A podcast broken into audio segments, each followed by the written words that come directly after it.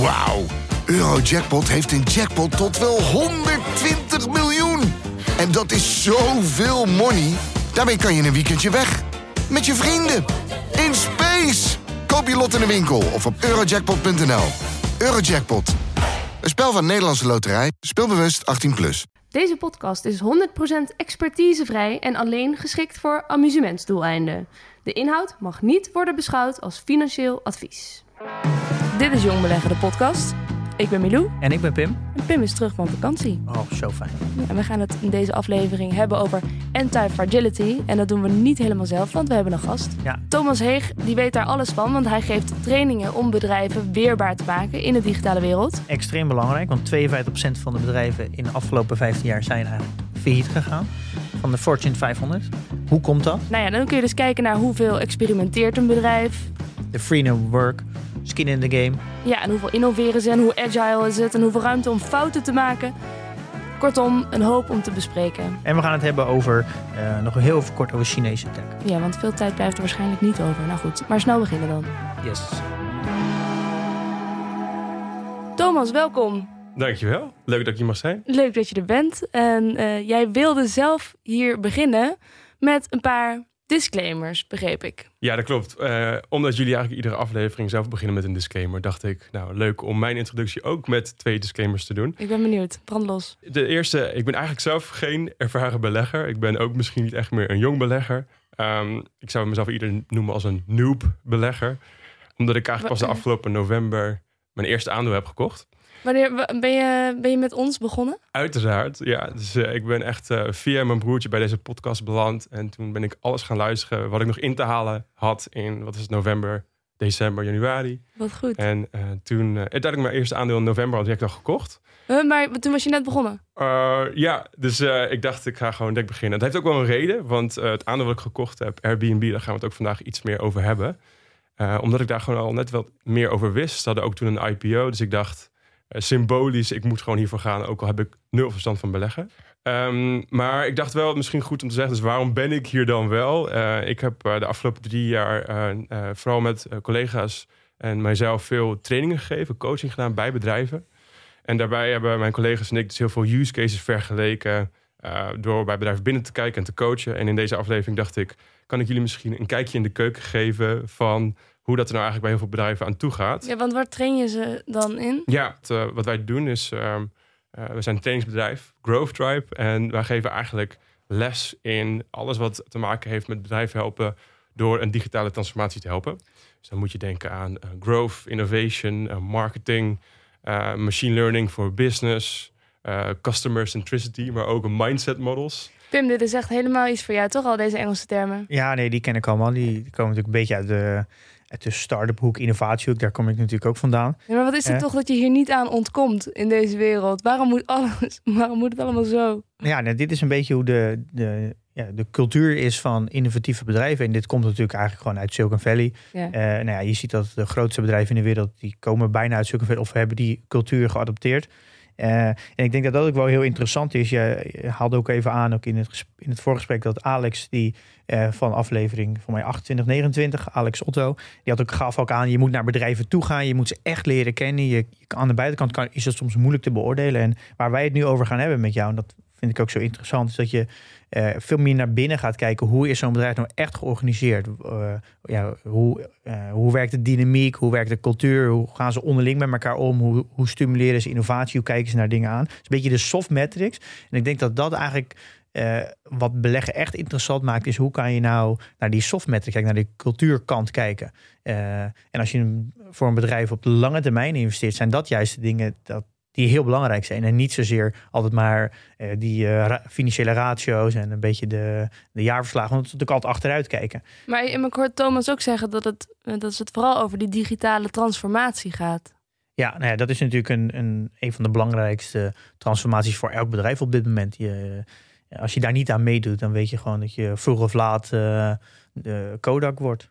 Mm -hmm. Ja, daar gaan we het zo nog even over hebben. Wat inderdaad. Oh, Kodak, oh, Kodak van, van, de, de foto's. Van de foto's, ja. Heel, heel jammer met Kodak dat ze niet meer bestaan. Nee, maar dus eigenlijk om de eerste disclaimer af te maken. Uh, ja, ik, ik zat te denken, ik heb gewoon eigenlijk heel veel use cases verzameld en vergeleken. Hoe gaat het nou eigenlijk binnen daar bij die bedrijven aan toe? Maar nog belangrijker, hoe kun je dan als eigenlijk belegger uh, daar aan de buitenkant uh, iets mee doen. Dus hoe kun je aan de buitenkant eigenlijk die goede aspecten, waar een bedrijf eigenlijk weerbaar wordt voor ook digitale transformatie en voor alles wat in de toekomst op ze afkomt, hoe kun je daar nou eigenlijk zo goed mogelijk aan herkennen? De tweede disclaimer ging meer ook, ik noemde het al wat van die termen in het Engels. Uh, helaas, ja, ik bied mijn excuses alvast aan. Er zijn heel veel van die uh, Engelse termen die niet te vertalen zijn naar het Nederlands. Nee, was ik al bang voor. Um, dus dat is, is, mijn okay. tweede disclaimer. Bijvoorbeeld mijn eigen titel, dat is dan Learning Designer. Nou, zou ik dat vertalen naar het Nederlands, kom ik uit op leerontwerper. Nou, ja, uiteraard doe ik uiteraard helemaal niks met het ontwerpen van leer, als in leren tasjes, jasjes of laarzen of iets dergelijks. Mm -hmm. Maar er komen wel wat termen voorbij die ik helaas niet kan vertalen, maar daar gaan we het gewoon wat uitgebreider over hebben straks. Oké, okay, en je zei weerbaar maken. Dat moet ik denken aan het onderwerp van deze aflevering. Ja, nou, de, Anti-fragility. Ja, dat is direct ook alweer zo'n hele mond vol. Anti-fragile of anti-fragility. Ja, maar die heb ik wel al een paar keer gehoord. Dus dat is oké. Okay. Fijn, heel fijn. Nee, dus uh, klopt. Ja, weerbaarheid, dat, uh, dat zou je denken, dat is misschien een goede andere manier om het uit te leggen. Maar we gaan het eigenlijk specifiek hebben over hoe kunnen bedrijven eigenlijk profiteren van chaos, van crisis, van stressors en hoe komen ze daar eigenlijk sterker uit. Weerbaarheid, dat heeft meer, geeft meer de indruk, ik maak mezelf weerbaar voor iets wat gaat komen. Dus ik ga me een soort van verdedigen. Mm -hmm. Terwijl over anti-fragility neem je een stap verder. We gaan echt meer kijken naar hoe uh, worden bedrijven sterker van stressors. Van crisis. profiteren van crisis eigenlijk. Ja. Want volgens mij kan je dat ook dan opdelen in, in drie verschillende categorieën. Klopt dat? Ja, klopt helemaal. Ja, we hebben eigenlijk drie definities die we kunnen bespreken. Je hebt uh, fragiel, robuust en anti-fragile. En dus veel mensen die denken eigenlijk dat robuust het tegenovergestelde is van fragiel. Uh, dus je hebt uh, bijvoorbeeld, als we het hebben over fragiel, neem een stuk glas, dat valt uit je handen op de, op de grond kapot. Dat breekt. Um, tegelijkertijd, stel dat je zou een steen laten vallen op de grond, dan heeft het misschien hoogstens een krasje, maar het verandert niet echt. De steen is robuust. Robuust. En wat is dan eigenlijk het tegenovergestelde van fragiel? Wat wordt nou eigenlijk sterker? Nou, het is best wel lastig om in de natuur daarvoor iets voor te vinden, maar een heel simpel voorbeeld kan bijvoorbeeld zijn: je gaat naar de sportschool uh, je traint en de volgende dag voel je wat spierpijn en je stier, spieren worden groter, uh, worden sterker. En op die manier kun je eigenlijk zeggen dat dat uh, een vorm is van anti-fragile. Dus je wordt sterker onder stressors. Ja. En dat is eigenlijk precies wat je, waar je bedrijven op wil beoordelen. En je wil natuurlijk de bedrijven hebben die anti-fragile zijn. Die dus er beter uitkomen als er een crisis ontstaat. Ja. En die crisis ontstaat gemiddeld één keer in de tien jaar. En dat zijn de bedrijven die je wil hebben. Ja, klopt. Dus je, je hebt eigenlijk allerlei verschillende grote globale uh, crisis. Um, en dan kun je denken aan klimaatverandering of misschien wel als politieke crisis, als een oorlog, digitale crisis, uh, cyberattacks, pandemieën. En degene die de term anti-fragile heeft gecoind, zoals dat dan mooi heet, uh, Nassim Nicholas Taleb, die heeft ook het boek Anti-Fragile geschreven die schrijft heel veel hierover. En een van zijn andere boeken dat, uh, gaat over de Black Swan. Ja, vaak En gehoord. Black Swan is eigenlijk een heel groot, onvoorspelbaar event. Wat enorme een soort van ontwrichtende impact heeft op maatschappij, maar dus ook op bedrijven en dus ook op aandeelhouders. Ja. En uh, het lastige is bij die Black Swan events dat je ze eigenlijk niet van tevoren kunt identificeren. Eigenlijk zou je zo kunnen zeggen dat de pandemie waar we nu in zitten, op het moment van de opname van deze podcast, is niet echt een perfect voorbeeld van een Black Swan event. Omdat heel veel wetenschappers al lang aangaven, jongens, in de top 10 van grootste risico's die de komende jaren op ons gaat afkomen, is waarschijnlijk ook een pandemie. Ja, dus er is inderdaad met dit onderwerp natuurlijk ook een hele grote rol weggelegd voor pech en voor geluk. Kun je er als belegger wel een pijl op trekken van wat er, wat er gaat gebeuren of uh, hoe anti-fragile een bedrijf is voordat je weet wat voor Black Swan er precies op ze afkomt? Ja, ik denk dat dat echt een hele interessante vraag is. Als we het hebben over risicoanalyse, dan heb je eigenlijk het over het spotten van risico's. Terwijl eigenlijk wat je wilt doen, is kijken naar wat zou een bedrijf juist in plaats van een risico vermijden, wat zouden ze moeten doen om het voor te zijn om sterker eruit te komen. Dus we kijken eigenlijk in plaats van de lagging indicators naar de leading indicators. Okay. En daar hebben we acht van op een rijtje. Dus daar Oh. gaan we ook in deze podcast uh, één voor één uh, bij langs straks. En ik denk dat het wel leuk is. Ik dacht, uh, ja, 70% van het leren van beleggen en in alles wat je doet, is eigenlijk door het zelf te doen. Dus ik heb ook voor deze aflevering hebben we een, een canvas gemaakt. Dat is een soort van huiswerkopdracht. Uh, die je zelf kunt, uh, thuis kunt invullen. En ook dus naar die acht indicatoren voor anti-fragility eh, zelf kunt kijken eh, in je analyse. Een canvas, een soort wit doek waar je, dat je kan gebruiken om een bedrijf zelf te beoordelen. Ja, dus eigenlijk een, een framework. Dus Ja. eigenlijk een, een template die je invult en eh, waarbij je eigenlijk geholpen wordt in je analyse. Huiswerk, joepie. Ja. En dan komt er een score uit en dan kan je zien waar het bedrijf Ja. op uitkomt. Het blijft natuurlijk subjectief. Maar wat ik wel eh, heel interessant vind, is dat dit is iets wat je nu langzaam steeds meer online kan doen. Kijk, vroeger, eh, zei- nou, als je heel veel boeken leest en ook oudere beleggers, eh, met oudere beleggers praat, zeggen allemaal, gaan naar de bedrijven toe, ga met mensen praten, ga, naar de, ga het product zelf gebruiken, ga naar de winkels toe. Eh, en dat is eigenlijk heel logisch, want op die manier kom je erachter hoe het bedrijf precies in elkaar zit. Het kan natuurlijk nog steeds. Ik denk nog steeds dat het heel goed is om, eh, om bijvoorbeeld producten te gebruiken en met, eh, met werknemers te praten. Maar eh, je, hebt, je hebt tegenwoordig heel veel online bronnen waar je ook heel goed kan zien hoe een bedrijf in, intern in elkaar zit. En dat vind ik wel zo interessant over alle, alle indicators die we zo gaan behandelen. Dat je daar ook een, een hele mooie bron bij hebt om te kijken eh, hoe ze dan scoren. Ja, dus we hoeven gelukkig bij niemand meer op de koffie. Maar we kunnen ook Hm. gewoon eigenlijk heel veel informatie online vinden. Alleen is een vraag van ja, welke bron moet je hebben? Waar moet je zijn? Waar moet je naar kijken? En dat gaan we in deze aflevering Dus, bespreken. om maar even gelijk te zeggen, alles, alles staat in de show notes. Want er zijn heel veel bronnen die we gaan benoemen. Dus ga lekker naar de website toe. Daar vind je alle linkjes. Nog misschien nog even om hoezo is dit belangrijk? Waar we om vragen. Om- Over welke cijfers praten we nou? Ja, dus eh, het concept anti-fragile is eigenlijk dus heel relevant nu. Omdat je ziet dat eh, in de pandemie heel veel bedrijven eigenlijk best wel te maken hebben met, met een crisis. Oftewel, ze moesten zichzelf opnieuw gaan uitvinden. Zijn de businessmodellen die zij hebben, werken die nog wel? De klanten die zij bedienen, werken, eh, werkt dat nog wel? Zijn dat de juiste mensen? En eh, wat wel echt heel interessant is, eh, een bron van de Oxford Insight, die noemen dat in de laatste eh, plus minus 15 jaar zo'n vij- 52% van de Fortune eh, 500 bedrijven zijn verdwenen.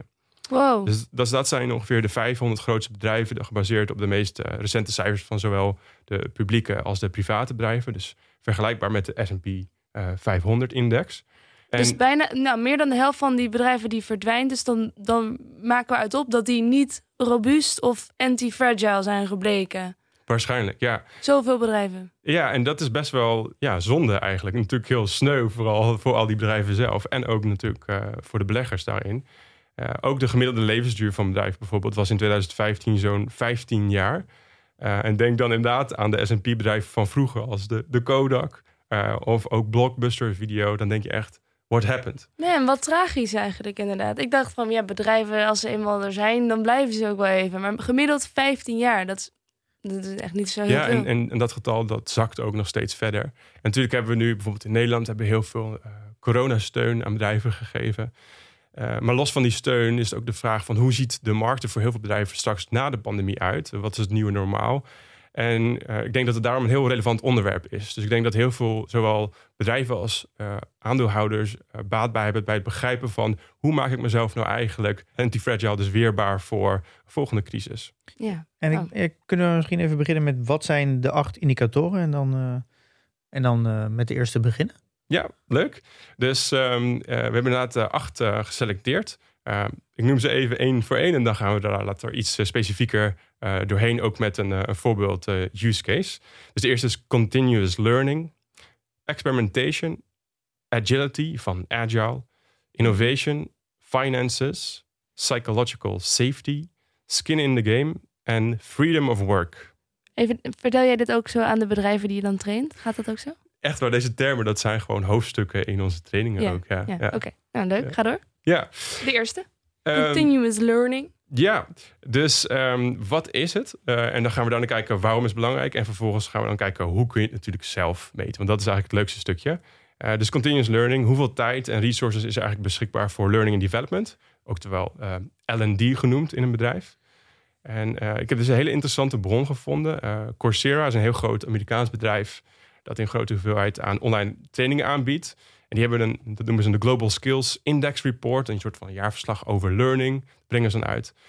En die hebben daarin iets genoemd. En dat heet de Industry Stock Performance versus Skill Proficiency. Nog meer Engelse termen. Hmm. En wat betekent dit? Eh, wat zij zeggen eigenlijk met ehm, eh, die, die grafiek... is dat industrieën met een hoog opgeleid talent... specifiek in de technologie skills... die zien een hogere eh, stock return en minder disruptie door COVID. Op zich logisch, misschien. Nou ja, dat minder disruptie door COVID is misschien iets minder logisch. Maar ja, als ze hoger opgeleid zijn, dan, Ja. dan heb je betere resultaten. Dus ook los van inderdaad eh, hoog opgeleid, welke vaardigheden hebben eh, het personeel dan? Hè? Dus gaat, welke vaardigheden gaat het spe- specifiek over? Denk ook bijvoorbeeld over innovatievaardigheden, over agile vaardigheden, maar ook bijvoorbeeld samenwerkingsvaardigheden. Maar eh, wat wel interessant is, is dat je eh, dat kunt meten door ook eh idealiter wil je eigenlijk in eerste instantie weten hoeveel tijd krijgt eigenlijk een, een medewerker om zelf te leren. Sommige bedrijven hebben een, eh, bijvoorbeeld een learning budget, trainingsbudget. Maar dat is heel lastig om van de buitenkant te vinden. Dus die metric is eigenlijk van de buitenkant voor ons beleggers ook niet heel goed te vinden. Er zijn wel Mhm. twee andere dingen waar je naar kunt kijken.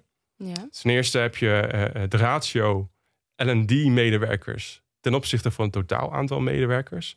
En daarmee dus ook hoeveel eigenlijk een bedrijf investeert in continuous learning. Dus hoe, de, de aanname is eigenlijk, hoe meer mensen in L&D werken als onderdeel van het totaal, hoe meer een bedrijf eigenlijk learning serieus neemt. ja.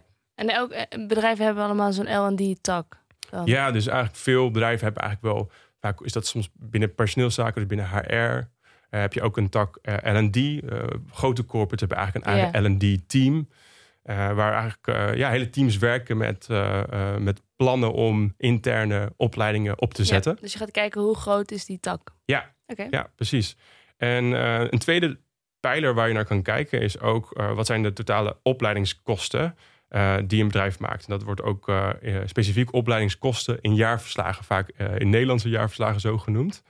Eh, en dat kun je dan bijvoorbeeld berekenen als onderdeel van je totale investeringen. Ja. Eh, en eigenlijk is mijn eh, tip voor alle punten waar we straks doorheen gaan. Dan denk je van ja, maar dat is een één gegeven. Waarmee moet ik het vergelijken? En dan is mijn tip eigenlijk binnen een industrie. Vergelijk dan gewoon de appels met de appels. Ja. Dus stel, ik kijk naar een Airbnb. Dan wil ik ook kijken ten opzichte van bijvoorbeeld Airbnb. Wat doet Booking.com? Of eh, wat doet bijvoorbeeld Expedia Group? Hoeveel mensen werken daar in dit geval in L&D? En hoeveel mensen krijgen daar trainingen en opleidingen binnen hun bedrijf? Ja, precies. En eh, om dat direct maar even te noemen, ik heb het opgezocht voor Airbnb. En? Eh, in totaal hebben we zo'n zo'n ja, 14.500 mensen die werken wereldwijd voor, voor Airbnb. Als je dan op LinkedIn zoekt op een bedrijf, dan klik je onder het tapje ehm, People. En dan heb, je- zie je eigenlijk alle medewerkers van het bedrijf. Dat is heel fijn. En dan kun je vervolgens eh, in een soort van zoekbar kun je klikken op Learning. Of je typt in Learning. Eh dan zit je ook direct met een groep mensen die in hun titel machine learning hebben te maken. Wat veel meer met artificial intelligence en zo te Ja. maken heeft. Dus dat willen we helemaal niet hebben. Dat zijn de, niet de goede mensen. Dus wat je hebt gedaan is eigenlijk de, de groep learning heb ik gepakt. Daar heb ik dan de mensen met de titel machine learning van afgehaald. En dan kom je uiteindelijk op een groep van ongeveer 1300 mensen. Dus heb, je zit, heb je zitten tellen? Ja, Of, letterlijk tellen, ja. En nee, niet tellen Nee, als in... dat- dat wordt ziet voor je gedaan. Ja, sorry. ik ben niet alles door. nee, maar je moet toch die schuld. mensen met een machine erin eraf trekken? Ja, ja, maar die som maak je dan wel, ja. ja. Maar je ziet wel gewoon in het totaal aantal medewerkers met die titel. Ja, Dat is gewoon eigenlijk één sommetje. Mhm. En dan komen we uit op 9% voor Airbnb. Dus dat, is, eh, dat klinkt best wel goed. Dus eh, bijna 1 op 10 van de mensen die werkt bij Airbnb, die zit in L&D. Ik heb ook nog wat aanvullende bronnen opgezocht. eh, vaak over hoe gaat het over de, de, de, de leercultuur binnen een bedrijf. Eh, heb je een aantal leuke bronnen voor, ga ik straks nog noemen. Je wordt echt een soort detective. Toch? Ja, maar dat is natuurlijk, beleggen is van 90% onderzoek doen naar het bedrijf. En, en de rest, ja, dan ben je gewoon aan het wachten daarna. Ja. En het kopen eh, ervan. En Maar het volgen ervan aan, helemaal niet. Aan cijfertjes en zo. Maar dit vind ik wel leuk. Dit is een beetje bijna een, beetje een journalistieke bezigheid. Ja, maar ik- ik denk in de essentie is dit beleggen. Is echt onderzoeken. Want je, eh, nou, fijn dat ik daar toch na 60 afleveringen achter kom dan. Ja, want ik denk dat er een heel groot verschil zit met beleggen. is Je, eh, als je aan het beleggen bent, koop je eigenlijk het bedrijf. En tegenwoordig word je heel snel vergeten dat je het verschil tussen het bedrijf en een, en een aandeel. Je bent heel erg bezig met het aandeel. Je kijkt de hele dag naar de koers, je kijkt de hele dag naar de metrics, je kijkt alleen maar naar cijfers op Yahoo en eh, Seeking Alpha. Dus je bent heel erg bezig met alles wat met het aandeel te maken heeft. En wat, waarom ik dit ook zo interessant vind, en dat is ook eigenlijk waar Alex over sprak, dat hij bij bedrijven langs ging, dat hij met iedereen spreekt, dan heb je het over het bedrijf. Dit maakt beleggen ook zo leuk, want nu ben je echt een bedrijf aan het onderzoeken. Alle grote beleggers zijn dit de hele dag aan het doen. Het bedrijf aan het bestuderen in Ja. plaats van het aandeel. Ja, dus het zijn echt een beetje die, die soft metrics van beleggen, maar dat maakt het niet minder belangrijk. Eh, dus inderdaad, als je echt weet hoe de cultuur. Want de mensen die bij het bedrijf werken, die zorgen uiteindelijk voor de resultaten. Die zorgen ook of dat aandeel van jou omhoog gaat of niet. Dus als je veel meer begrijpt over hoe werkt dat nou? Wat is de bedrijfscultuur? Wat is de bestuurscultuur? Dat is echt wel een heel belangrijk onderdeel. Maar ik zie dat de Booking die scoort eh, 10,8 en Expedia Group eh, 6. Eh, dus dat, daar doet eigenlijk eh, Booking en eh, Airbnb doen het, eh, doen het aardig. Allebei zo'n 1 op 10. Dat is het best Ja. een flinke score. Ik weet toevallig dat Booking eh, echt een bedrijf is van de experimenten.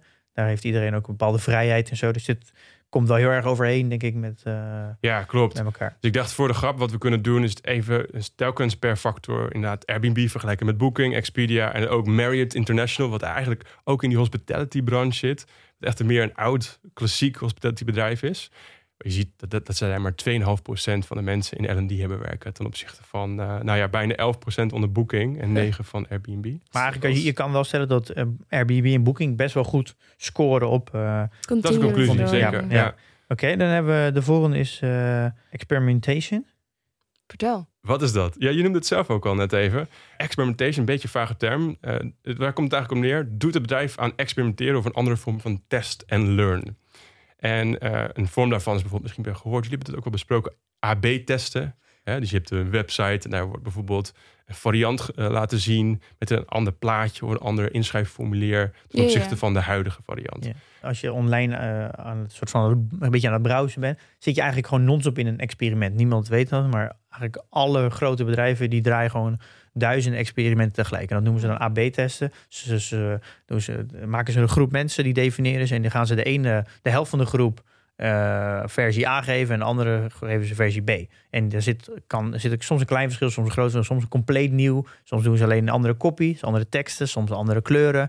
En zo gaan ze constant experimenteren, zodat er uiteindelijk één versie blijft die het beste performt. Ja. Eh, en Dus dit, we zijn de hele dag door zijn wij proefkonijn. Ja, de hele dag. Ja, het is natuurlijk wel grappig. Soms herken je dat ook gewoon dat je in een test zit. Dat je in één keer een andere versie voorgeschoteld krijgt. Nou, dat heb ik Ja. nog nooit herkend, maar dat zal inderdaad wel meer voor de, Ja, Ja, hebben de jullie de. Truman Show gekeken? Ja. Met Jim Carrey? Nou, zo voel ik me af en toe een beetje online. Echt? Jij hebt het ook in Ja. de gaten. Ja, nee, maar goed, wat wel grappig is, heel veel bedrijven die geven nu ook toe. Dus bijvoorbeeld Ja. kijk je naar Expedia Group, en dat nam ik een beetje mee in mijn onderzoek voor de pijler Experimentation. Die hebben letterlijk gewoon een sectie op een pagina. Daar staat ook, let op, soms zie je een andere variant. Dus oftewel, we zijn een test aan het draaien. Ja, oké. Dus er zijn er wel meer transparant ook Maar dit is ook de reden waarom Booking ook laat zien. Ze, er, is, er hebben zoveel mensen gekeken naar, dit, naar deze kamer. Of eh, er is nog twee kamers beschikbaar. Je krijgt constant die meldingen. Ja. Om een beetje, noemen ze ook dark patterns. Maar als je constant gaat AB testen. En, je, en dan zijn het altijd zulke soort meldingen die, die zorgen voor de beste resultaten. Waardoor die worden doorgevoerd. Ja. Ja, dus even een uh, side note hoe, hoe het internet werkt. Ehm, ik denk even nog terug naar de, waarom is experimentation eigenlijk heel belangrijk. Ga ik nog een bron aanhalen, een eh, heel fijn boek, eh, Experimentation Works van Stephen Tomke. En in dat boek komt een, ook een index voor, dat heet de Experimenters Index. En dit vond ik echt heel interessant. Ehm, er was een, een Harvard ehm, graduate, James Zeitler, en die heeft een, een index gemaakt. Eh, wat hij heeft gedaan is de S&P Stock Performance heeft hij in een lijn eh, weergegeven van wat zal zijn de afgelopen eh 15 jaar. En dan heeft hij ook eh, de stock performance van een nagemaakte index. Eh, en dat noemt hij dan de Experiments Index. Dat heeft hij eigenlijk een groep van bedrijven toegevoegd, 500 bedrijven, die heel veel experimenteren. Eh, denk dan bijvoorbeeld aan Amazon, Etsy, Facebook, Netflix, eh, ook waarschijnlijk Booking.com. En wat je dus dan ziet, is dat in 2018, als je naar die gra- grafiek gaat kijken, was de stock performance van de Experimenters Index zo'n 11 keer hoger dan die van de SP 500. Wederom, het is Wow. geen kausaal verband, wel een correlatie zoals omschreven in het boek. Maar dat is wel echt een enorm verschil. Dus oftewel, experimentation works, zou je kunnen zeggen. Nee, dat kun je dus niet zeggen, want het was een correlatie en geen kausaal verband.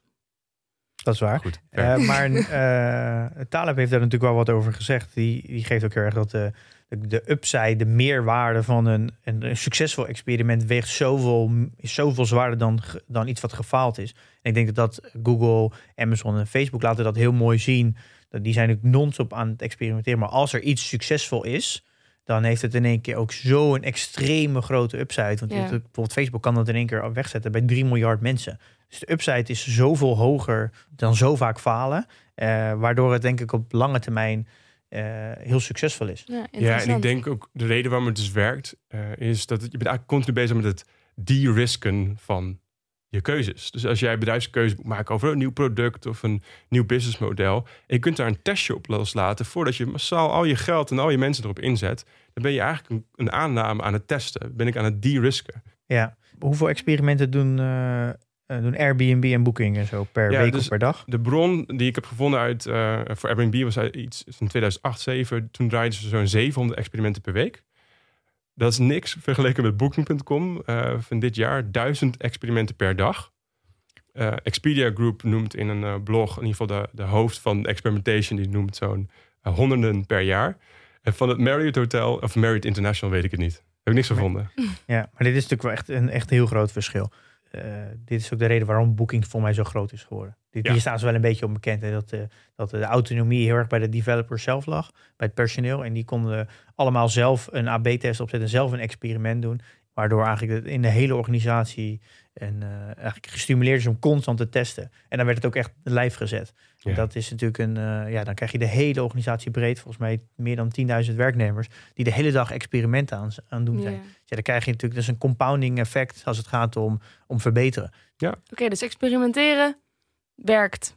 Tussen aanhalingstekens. Quote. Oké, okay, derde punt.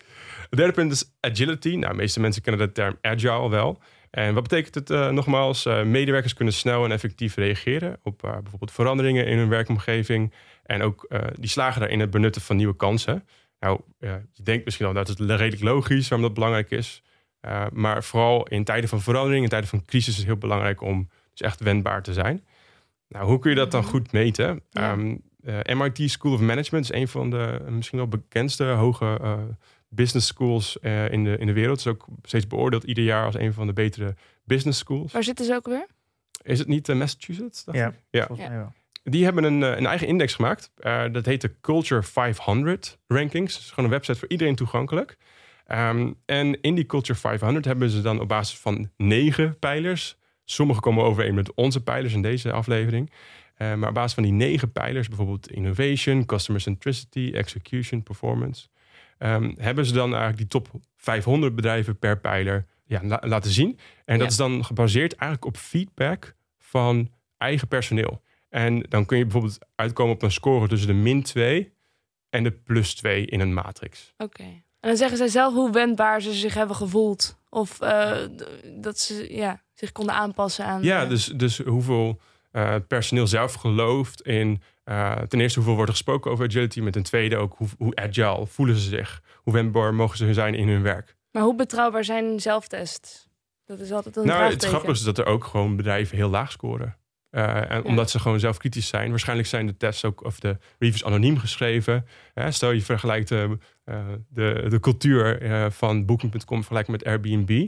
Dan zie je ook gewoon, bijvoorbeeld op Glassdoor.com hebben jullie ook al eerder genoemd in een aflevering. Eigenlijk een glazen deur waarbij kijken naar het bedrijf eh, van binnen eh, als cultuur. En dan zie je ook dus bijvoorbeeld Booking.com niet altijd hoge scores haalt. Dus mensen zijn best wel zelfkritisch, ook naar het bedrijf. Juist, juist heel erg kritisch. Ik denk juist Ja. dat het, je wil juist de mening van het personeel hebben, want die eh, hebben vergelijkingsmateriaal. Want Ja. die, ik krijg daar juist heel veel waarde aan. Ja, dat zegt, zei Alex toch ook, je moet Ja. juist spreken met, eh, met werknemers en oud-medewerkers. En het voordeel van, van zulke soort onderzoek is dat het anoniem is. En dat is Glassdoor dus ook. En daardoor krijg je een veel eerlijkere, eh, denk ik, een eerlijk, eerlijke Ja, ja. mening. Dus een hele betrouwbare metric dus van de MIT School of... Ja, nou, nadeel natuurlijk wel, er staan maar 500 bedrijven in.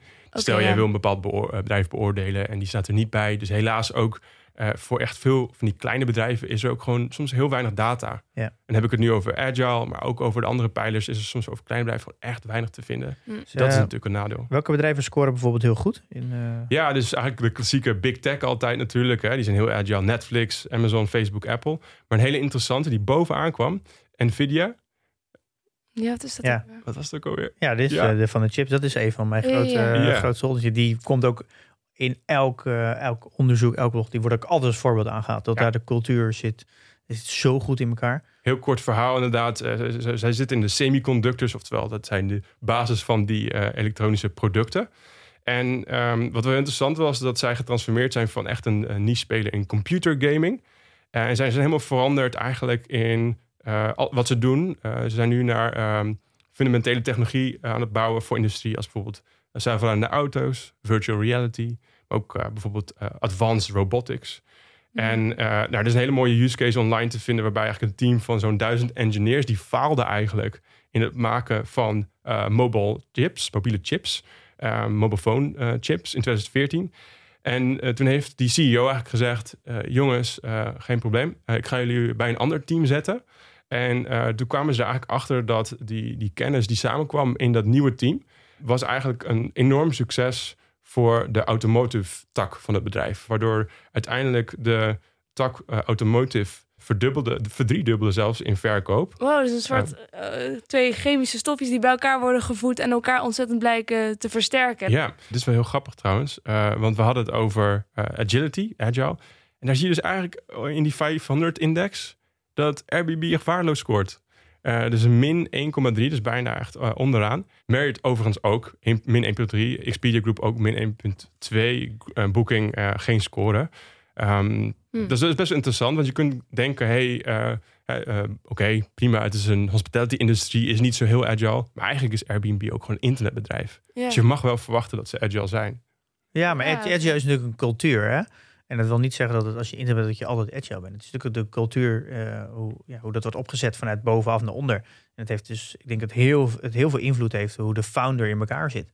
Hm. En, het, en het founding team dan. En het heeft natuurlijk ook met heel veel vertrouwen te maken. Daar gaan we het ook in een van de andere pijlers nog over hebben. Psychological safety. Hoeveel vertrouwen krijg je nou eigenlijk om wendbaar te zijn, om te experimenteren, om te innoveren. Dus eigenlijk hebben heel veel van die pijlers ook heel veel samen. Dit, wat hier interessant is, bijna alle grote bedrijven, daar is wel een boek over geschreven. Van Spotify tot Amazon. En vaak is het boek niet geschreven uh, door de eigenaar zelf of het personeel, maar altijd door iemand die er een beetje buiten staat, die dan jarenlang onderzoek naar doet denk dat elk groot bedrijf heeft wel. Netflix heeft bijvoorbeeld ook een, een boek.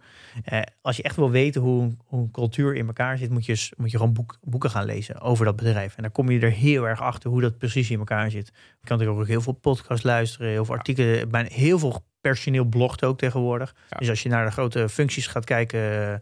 De, bijvoorbeeld de, al de C-level, CPO en... Uh, Medium.com ja, staat heel er, zijn, er wordt onwijs veel over geschreven. En vooral ook als je ze op Twitter volgt. Ik volg altijd de, beetje de, de hoge functies van bedrijven die, waar ik in beleg. Die heb ik op Twitter. Het geeft een heel goed gevoel als je in elkaar zitten. Mm. En het blijft ook interessant. ik denk dat in Nederland, bijvoorbeeld alle grote bedrijven, die hebben allemaal een uh, afdeling in Nederland. Ik ken bijvoorbeeld iemand heel goed die bij Netflix werkt. Een goede vriend van mij, als ik daarmee mee praat, dan ik krijg je zo'n goed gevoel die cultuur in elkaar zit.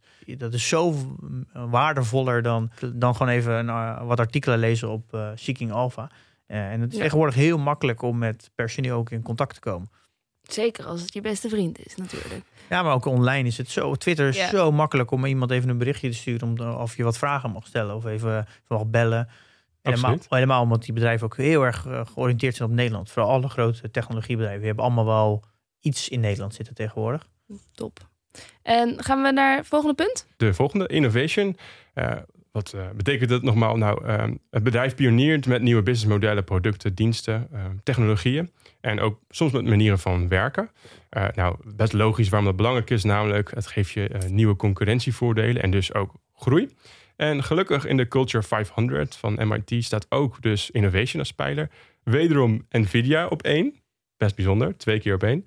En uh, een aantal andere voorbeelden, heel leuk. Uh, Disney hebben we ook al vaker uh, benoemd, of hebben jullie benoemd in deze podcast. Nou, als je het over, over een toevoeging, Creativity Inc. Dat is een boek geschreven door Ed Catmull. Dat is de found, een van de founders van, van Pixar. Dat is ook overgenomen door Disney. Nou, dat is echt een van mijn favoriete boeken. Dat, dat boek is echt, echt fantastisch. Creativity Inc? Ja, vind ik echt uh, een prachtig boek. Die laat heel mooi zien hoe de cultuur van Pixar in elkaar zit. En hoe ga je om met, met 10.000 creatieven die allemaal de allerbeste in de industrie zijn. En die uh, ah, 700 uur willen besteden aan een vissenkom die in de achtergrond van uh, Ratatouille, de film, uh, dat die vis natuurlijk beweegt. Maar dat is een achtergrondscène. Dus je, en dat gebeurt is maar voor mij een seconde in beeld. Echt een fantastisch boek. Ja. Cool, ja, nee, we kennen natuurlijk Disney van de mooie content van vroeger, uh, de zwart-witte muis. Maar dat is natuurlijk gewoon nu, los van content, helemaal overgaan tot een platform met schaalbare content, Disney+. Plus. En hoe doet Airbnb dit op innovatie? Ja, ook echt heel goed. Dus uh, plus 1,8, je kunt maximaal plus 2 punten halen. Uh, Marriott scoort plus 1,1, Expedia Group 1,5 en Booking.com staat niet in de index, maar ongetwijfeld heel veel over te vinden. Die zullen het ook zeker goed doen. Um, dan gaan we naar Vijf. Financiën en omzetconcentratie. Ja, kan daar wel wat over vertellen. Ik denk dat daar dat is misschien iets meer een. De rest zijn iets meer soft metrics. Dit is misschien iets harder wat je ook kan, kan vinden. Maar ik denk dat het wel heel belangrijk is als het gaat om of je ja, anti-fragile bent. Is dat je ook de mogelijkheid hebt om. Ja, je, moet, je moet er wel goed bij zitten. Je moet wel geld hebben om ook dit te kunnen doen. en ook om in slechte tijden te kunnen keren en het kunnen, een periode te kunnen overleven. En ik denk dat het daar heel belangrijk is dat je uh, de concentratie van de omzet, dat dat heel belangrijk is. Dus zit er een groot risico bij één specifieke klant. Dan wil ik even een voorbeeld aanhalen uit mijn portfolio. Mm uh, Fastly, nou, dat is een van mijn holdings. Daar is uh, op het hoogtepunt is de, 13% van de omzet uit TikTok gekomen. Nou, we weten dat TikTok is van ByteDance, dat is een, een Chinees bedrijf. En die heeft nogal onder vuur gelegen door, door toen de tijd Trump. Uh, en dat, dat merk je dan gelijk in, uh, in de, de winst en in de omzet van Fastly. Omdat er één specifieke klant onder druk zit, kan Fastly zelf niks aan doen. Hebben ze eigenlijk gelijk wat, flink wat tikken gekregen. En dit is ook, ze hebben dus een hele grote klantconcentratie. Ja, en dan ben je dus niet heel erg anti-fragile. Nee, uh, dus dat is heel belangrijk. En dan ook de leveranciersconcentratie.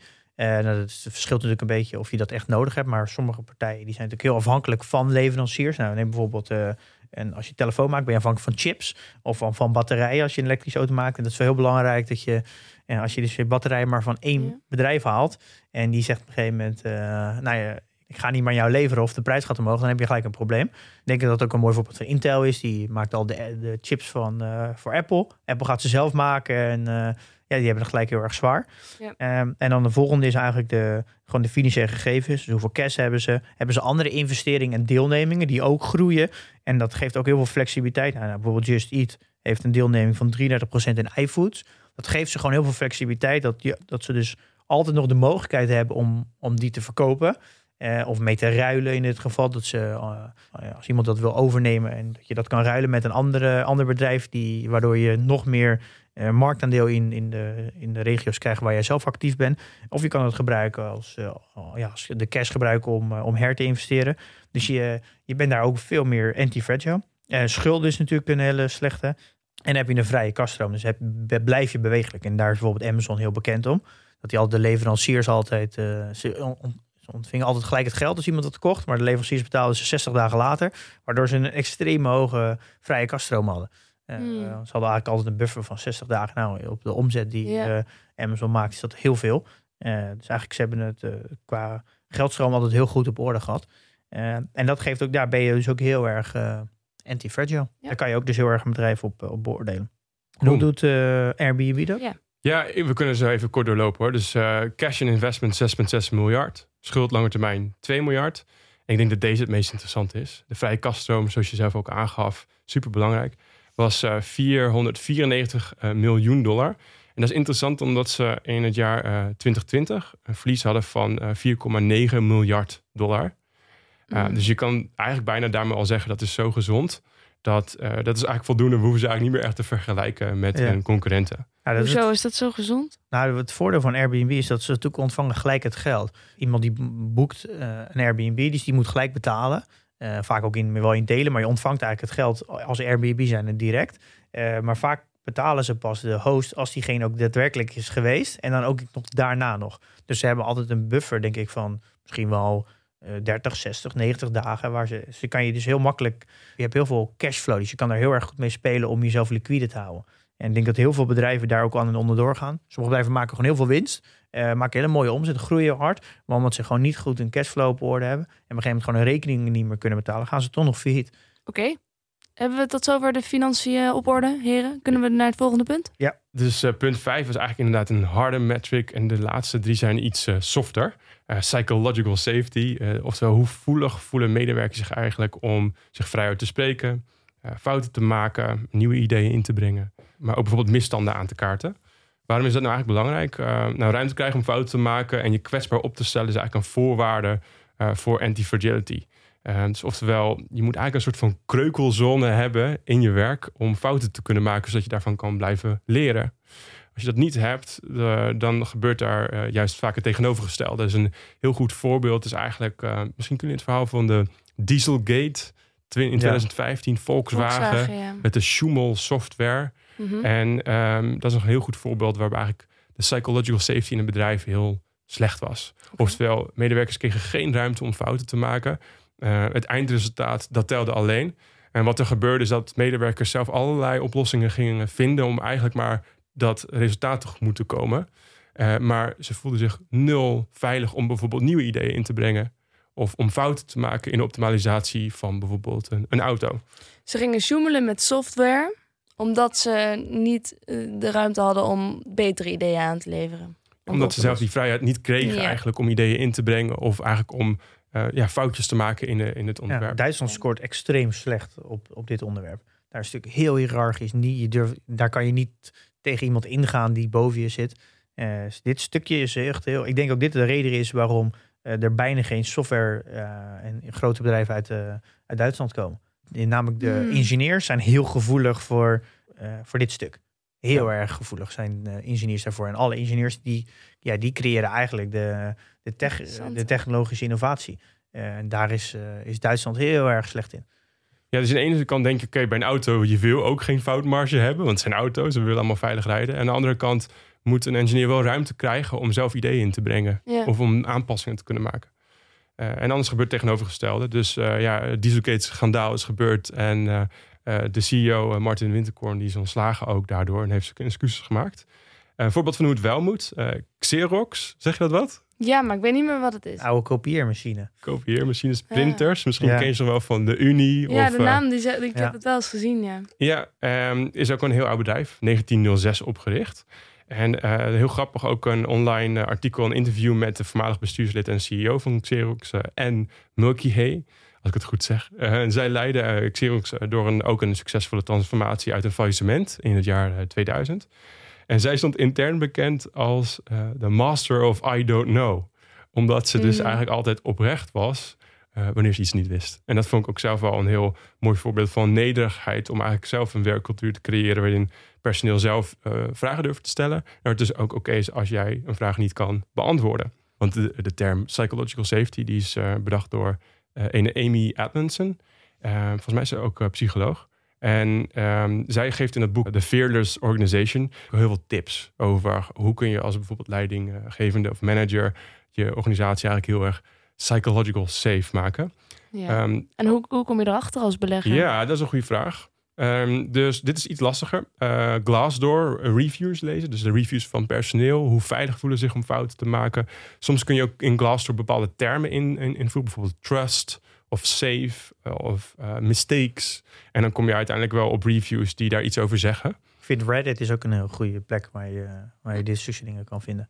Ja, dus dan moet je maar hopen dat wel al het personeel op Reddit zit, of in ieder geval een stuk. Ja, maar als je, uh, daar kan je vaak wel uh, van oud werknemers altijd wel iets vinden. Ja.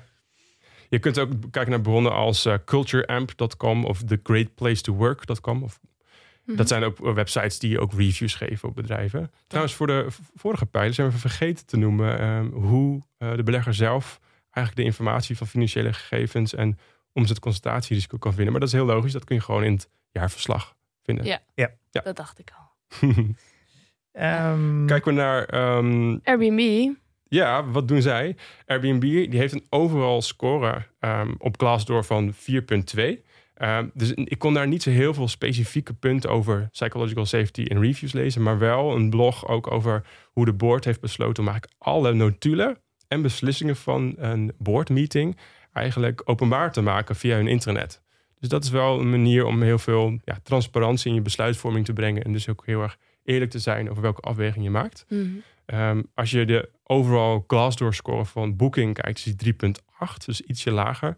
Marriott International 4.1, Expedia 4.0. Dus ja, Airbnb doet het eigenlijk wederom best wel goed. Ja. Oké. En dan de volgende, skin in the game. Skin in the game, ja. Hoeveel opgelopen risico, financieel of uh, op een andere manier, heeft eigenlijk het management gelopen? Dus eigenlijk in welke mate loopt de leiding zelf risico? Best logisch, als je leiding geeft aan een bedrijf, dan is het ook wel fijn dat je weet dat degene die leiding geeft, en dat hij ook enigszins een eigen risico heeft. Want anders heb je het gevoel dat hij van alles kan doen zonder dat hij daar zelf schade onder leidt. Ja. En ehm, hoe doe je dat? Ehm, je kunt ehm, checken of de CEO of de founder zelf een aanzienlijk deel van de aandelen in bezit heeft. Bijvoorbeeld als benchmark, zeg maar, uh, minimaal 5% van de aandelen uh, per boardmember. en twee, uh, zijn de founders nog aan boord? Ja. En dat kun je ook heel makkelijk online vinden met eh, wat tools. Dus met de tool theorg.com kun je ehm, kijken wie zit er in de boord. Dus gewoon de orga organogram, zoals dat dan mooi heet. Um, en je kunt ook met andere tools, uh, websites zoals Guru Focus, kun je precies zien hoeveel aandelen bezit die CEO nou eigenlijk. Ja. En wat je dan doet, ja, wederom even een klein sommetje maken. Je kijkt naar het totaal aantal uh, uitstaande aandelen. En dan pak je dus de, de hoeveelheid aandelen die die CEO in bezit heeft. En een percentage uh, Ja. pak je dan. Ik zou dat wel afzetten tegen het salaris. Want soms bijvoorbeeld bij Booking eh, heeft de CEO 0,05. Dus klinkt natuurlijk heel weinig. Maar dat moet je dan even uitrekenen hoeveel vermogen dat is. En dan moet je dan even afzetten tegen zijn salaris om een beetje te kijken wat het perspectief is. Dus die eh, maar een half jaar salaris in aandelen heeft, is dat natuurlijk heel weinig. Maar heeft hij 20 keer zijn jaar salaris in aandelen, dan is het weer heel Ja, veel. ja. Je moet het wel even in perspectief Ja, dat is zetten. Oh, goeie. ja. Ja, goede Eh, toevoeging zeker. Want ja, een founder heeft natuurlijk altijd heel veel procent. Dat is natuurlijk logisch. Maar als een, ja, een CEO dus niet de founder is, eh, dan is dat natuurlijk heel anders. Oké. Nou, Airbnb, alle drie de founders ehm, zitten ook nog in de board. En die hebben tussen de 14 en 15 procent van de aandelen per persoon in bezit. Oh. Dus dat is echt gigantisch veel. Ja. Ja. Uh, Booking.com inderdaad, eh, eh, je moet inderdaad wel het salaris, zoals je zegt, meenemen. Uh, de huidige CEO, Glenn Vogel, heeft 0,05% van de aandelen bezit. Er zitten geen founders meer in de board bij Booking. Het zijn trouwens Nederlandse founders. Hè? Die, Ja. Ja, Die hebben het veel te vroeg verkocht. Hey, maar dus eh, hoe meer skin in the game, hoe beter? Eigenlijk wel. Ja. Nou, hoe meer het belang van zijn keuzes ook. Ja. Of wat hij er zelf ook gevolgen van heeft. Dus ja. En trouwens, een van de boeken van Nicolas Taleb gaat ook, het is een laatste boek over skin in the game. Dus als je daar meer over wil lezen. Zijn we aangekomen bij de laatste. Freedom of work. Het klinkt heel prachtig. En wat betekent het? Uh, dus hoeveel vrijheid hebben medewerkers in hun werk? Uh, hoe gedecentraliseerd is het bedrijf eigenlijk?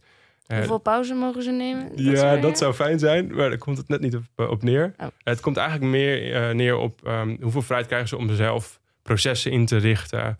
Uh, zelf te bepalen hoe ze werken. Dus processen, maar ook bijvoorbeeld welke tooling ze gebruiken.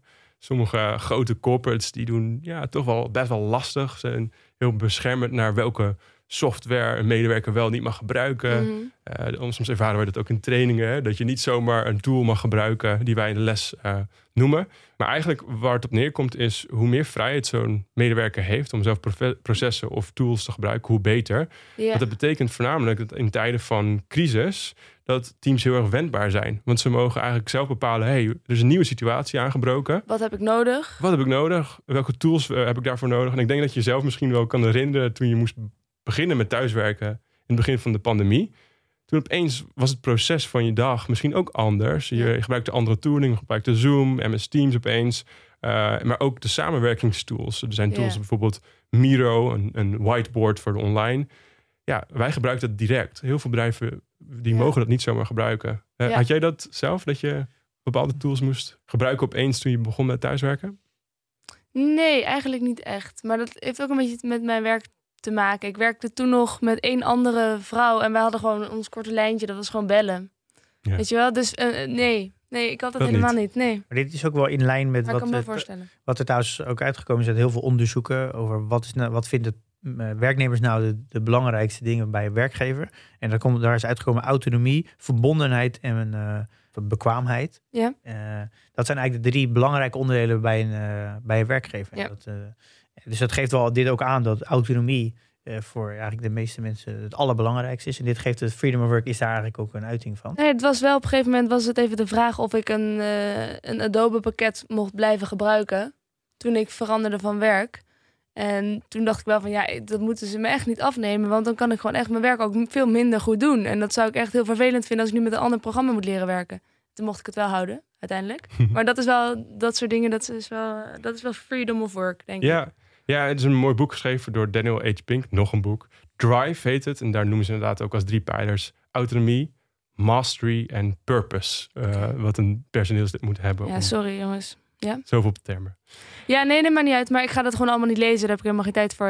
Je ik kunt nog ook, een hele uh, stapel andere boeken. Ga ik je nog een tip geven. Blinkist. Is een hele nee, fijne... Nee, ik ga het niet lezen. Maar goed, vertel. Nee, ja. Blinkist is, uh, hoef je niet te lezen. Dat is Oh. een, dus een boeksamenvatting van ongeveer 18 minuten. Oh. En dan heb je eigenlijk de leukste stukken uit het boek. Vooral voor businessboeken is dat eigenlijk heel fijn. Blinkist.com.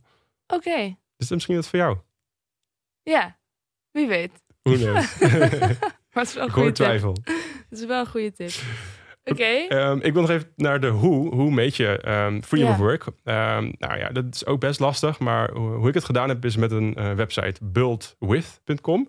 En als je dan een bedrijf invult, dan zie je dus direct hoeveel tools gebruikt het bedrijf eigenlijk. En dan moet je natuurlijk ook even kijken naar welke tools, software, wat dat zijn. eh, wa- wa- waarvoor kun je het gebruiken. Eh, daarnaast ook kun je natuurlijk zoeken, wederom eh, artikelen, boeken, tweets over hoeveel vrijheid heeft een, eh, ja, een personeelslid eigenlijk om zelf eh, processen in te richten of tools te gebruiken. Airbnb die heeft eh, via de tool buildwith.com meer dan 150 tools die ze gebruiken. En dat gaat ook over bijvoorbeeld samenwerkingstools, eh, Workplace bij Facebook, een soort Mhm. van Slack. Ja. maar ook heel veel andere soorten data en analytic tools en eh, collaboration tools die, eh, die ze gebruiken. Dus je kunt wel stellen, Airbnb die eh, heeft echt wel veel freedom Ja. of work. Oké, dus die, die, tools zijn een symptoom of een- dus die staan symbool voor dat, dat, er heel, dat, dat, dat werknemers het heel makkelijk wordt gemaakt om alles wat ze Ja. nodig hebben te gebruiken. Ja, zoals dat je in tijden van een crisis, wanneer de situatie verandert in je dagelijkse werk, dat je direct kan overschakelen naar wat je nodig hebt. Ja. Nou, dat waren ze eigenlijk alle acht, maar er is eh, meer voor thuis. Ik ga ze niet benoemen nu, Daar hebben we helemaal geen tijd voor. Eh, maar in de show notes vind je meer over eh, data maturity, brand and culture en optionality. Nog drie dingen waar je naar zou kunnen kijken als je Ja. er de tijd voor hebt. Ja. Ehm, en misschien ook wel leuk om, eh, we hebben natuurlijk elke keer Airbnb als voorbeeld gepakt. Jij hebt ook het canvas ingevuld, die eh, jij beschikbaar stelt. Zullen we ook in de community delen. Daar heb je ook even de score ingevuld van eh, eh, Airbnb. En volgens mij kwam jij uit bij Airbnb op een score van 34.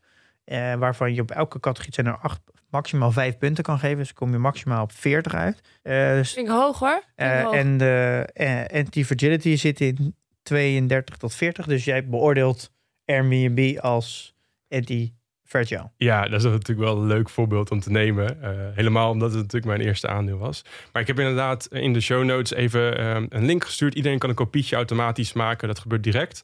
En dan zie je eigenlijk in zes slides eerst wat eh, instructies. Hoe gebruik je het canvas? Nog even een herinnering van wat zijn die acht pijlers en hoe kun je ze meten? Met de linkjes naartoe. Inderdaad, eh, hoe ik het voor Airbnb heb ingevuld. Ook met mijn bronnen eh, gelinkt. Eh, de score die ik heb gegeven in wat je al zegt. Eh, aan de, op de laatste slide zie je eigenlijk dat de bedrijven die tussen de 0 en 24 punten uitkomen zijn fragile. Dus de 24, 32 robuust. En eh, boven de 32 tot 40 eh, is eh, anti-fragile. Nou, Thomas, wat fijn dat je al dat werk hebt gedaan Ja. eh, voor, voor iedereen. Ik heb wel nog één kritische vraag voor je. Pim zegt altijd dat je je eigen aandelen wel een beetje door een rooskleurige bril bekijkt. Hoe groot is de kans dat dat bij jou ook gebeurd is? Ja, 100 Oh. Kijk, eigenlijk- ik zou eerlijk zijn, dat eerste aandeel wat ik heb gekocht was eigenlijk puur symbolisch. Want ik dacht, ik ken dit bedrijf heel goed. eh, ook puur door de use cases die ik heb bestudeerd. Ik heb ook letterlijk voor de grap maar één gekocht. Toen het een IPO werd, toen kwam ik er later in de andere aflevering achter dat ik helemaal nooit bij een IPO direct moest kopen. Daar ging ik al helemaal nat. Ehm, ik zou zeggen, kijk naar ehm, het canvas. En mij lijkt het heel leuk, dat is ook een beetje het doel van deze aflevering, om elkaar te inspireren via de community. Dus als jij eh, eh, zelf een bedrijf beoordeelt, eh, kijk eens of je het canvas kan gebruiken, wat voor je werkt. En dan nog leuker om het eh, te delen. Leuk? Deze week geen PDT-update. Eh, ja, we hebben onze tijd wel beter te besteden. Maar we willen natuurlijk wel alle nieuwe vrienden van de show bedanken. Dat ze vriend van de show zijn geworden. Nee, zeker. Ja, absoluut. Het is weer eh, elke keer weer een, eh, weer een feestje. Weer een feestje. Ja. Ehm, nou ja, Pim, jij hebt natuurlijk de afgelopen weken een beetje onder een Spaanse steen geleefd. Maar heb je wel nog iets van nieuws meegekregen? Eh, weinig, maar ik heb wel even gisteravond laat nog even, even goed ingelezen. Ik eh, heb een soort van half offline geweest. ja. Eh, maar ik wil even, Just Eat laat ik dan even zitten. Maar over de Chinese aandelen, er is, gebeurt natuurlijk heel veel nu. Nou, al mijn Chinese aandelen die zijn diep rood. Er, er is nogal veel aan de gang. Ik moet zeggen, ik moet nog even heel goed induiken wat er nou exact is. Ik vind het heel moeilijk om nou te begrijpen. Maar ik denk dat het meer angst is bijna dan, dan dat het heel terecht is. Mhm. Er zit heel veel onzekerheid in. Wat, waar, voor mij is één vraag heel erg belangrijk. En die, die kan ik eigenlijk niet direct beantwoorden. Maar is, is, heeft het ingrijpen van de overheid nou permanent invloed op de toekomstige verdiencapaciteit van de bedrijven? En dat is wel iets eh, waar eigenlijk helemaal niet over gesproken wordt. Eh, de overheid grijpt heel erg in, wat denk ik heel erg terecht is. Hadden ze, nee, wij hebben nu het probleem in Europa en Amerika dat techbedrijven veel te groot zijn geworden. En wij hebben het nu alleen maar over ingrijpen. Nou, de Chinese overheid doet dat nu direct. Op hun eigen manier. Misschien niet helemaal waar wij het mee eens zijn, maar ze doen het wel. Dus ik denk dat dat ze het doen niet heel slecht is. Ehm, nu is natuurlijk heel erg de vraag, gaat dit ingrijpen invloed hebben op de verdiencapaciteit? Ik denk dat dat uiteindelijk de belangrijkste vraag wordt. Want als, als dat uiteindelijk niet blijkt te zijn, ja, dan kan je eigenlijk nu uh, Alibaba, Tencent en zo echt voor, uh, voor een prikje oprapen. En, en die vraag moet ik de komende tijd voor mezelf ook gaan beantwoorden. Wat ik okay. nu ga doen met, deze Chine met de Chinese aandelen die ik Dus jij weet het ook echt nog niet? Nee, ik, maar ik vind ook niet als je nu in één keer twee dagen, drie dagen naar beneden gaat of een week, dat je daar ook gelijk op moet reageren. Nee. Uh, ik, kan, ik neem even een paar weken de tijd om dit een beetje, dat dit een beetje rustig wordt, een beetje uitspeelt. Dan ga ik hebben, uh, ja, kan ik veel betere keuzes ja. maken. Het hoeft niet per direct uh, bij te kopen of te verkopen. Heel goed, rustig aan. Keep your cool. Kim? T Kim? Tim? Pim. Sorry, uh, het is dit Anouk.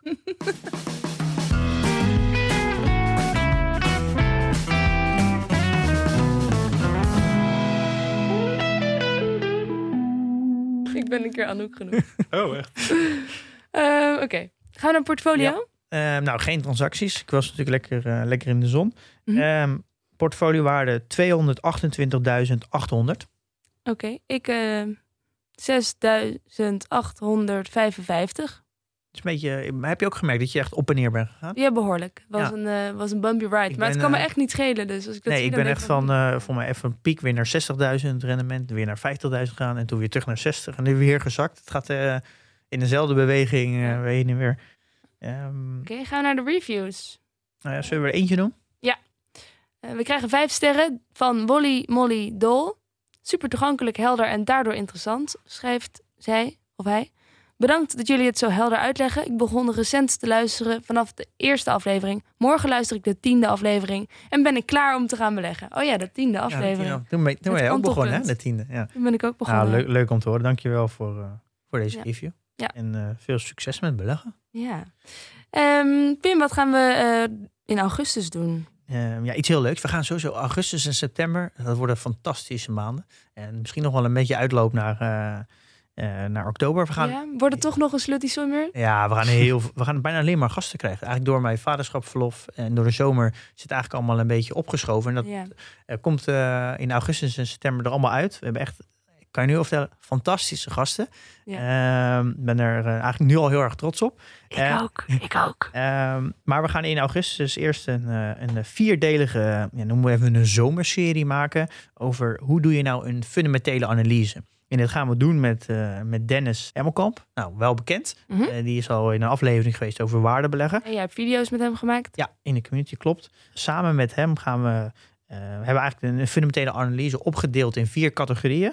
Uh, dus het snap ik het bedrijf, het verdienmodel, het competitieve voordeel en het management, uh, de financiën. Dus hoe, uh, hoe lees je nou een, een, jaarrekening en wat is nou echt belangrijk? en daarna de waardering, dus hoe waardeer je een bedrijf? Dus... En portefeuillebeheer. En die ja. gaan we in vier afleveringen, gaan we eigenlijk door alles heen over hoe doe je nou een fundamentele analyse. En, dus het worden vier ja, fantastische afleveringen. Thomas Heeg. Heel veel dank voor je komst. Ik vond het heel leuk om hier te zijn. Ik ja, dankjewel. aan je lippen gehangen. En het was gezellig, vond ik. Ja, ik vind, dit, dit, dit, ik vind het een heel leuk onderwerp. Dit. Ja. Leuk, uh, leuk ik vond het ontzettend gezellig om hier te zijn. Nou, we gaan wel lekker verder in de Group hug. Ja, group hug hier all over. Nee, um, we gaan nog wel even... voor bier, wilde ik zeggen, maar... Dat... Nee, dat nee, is het dus... helaas nog niet. Nee. Was het maar zo'n feest. Wacht even. Ja, komt, komt vast een keer. Um, ja, en in de tussentijd investeer in je kennis. En beleg met beleid.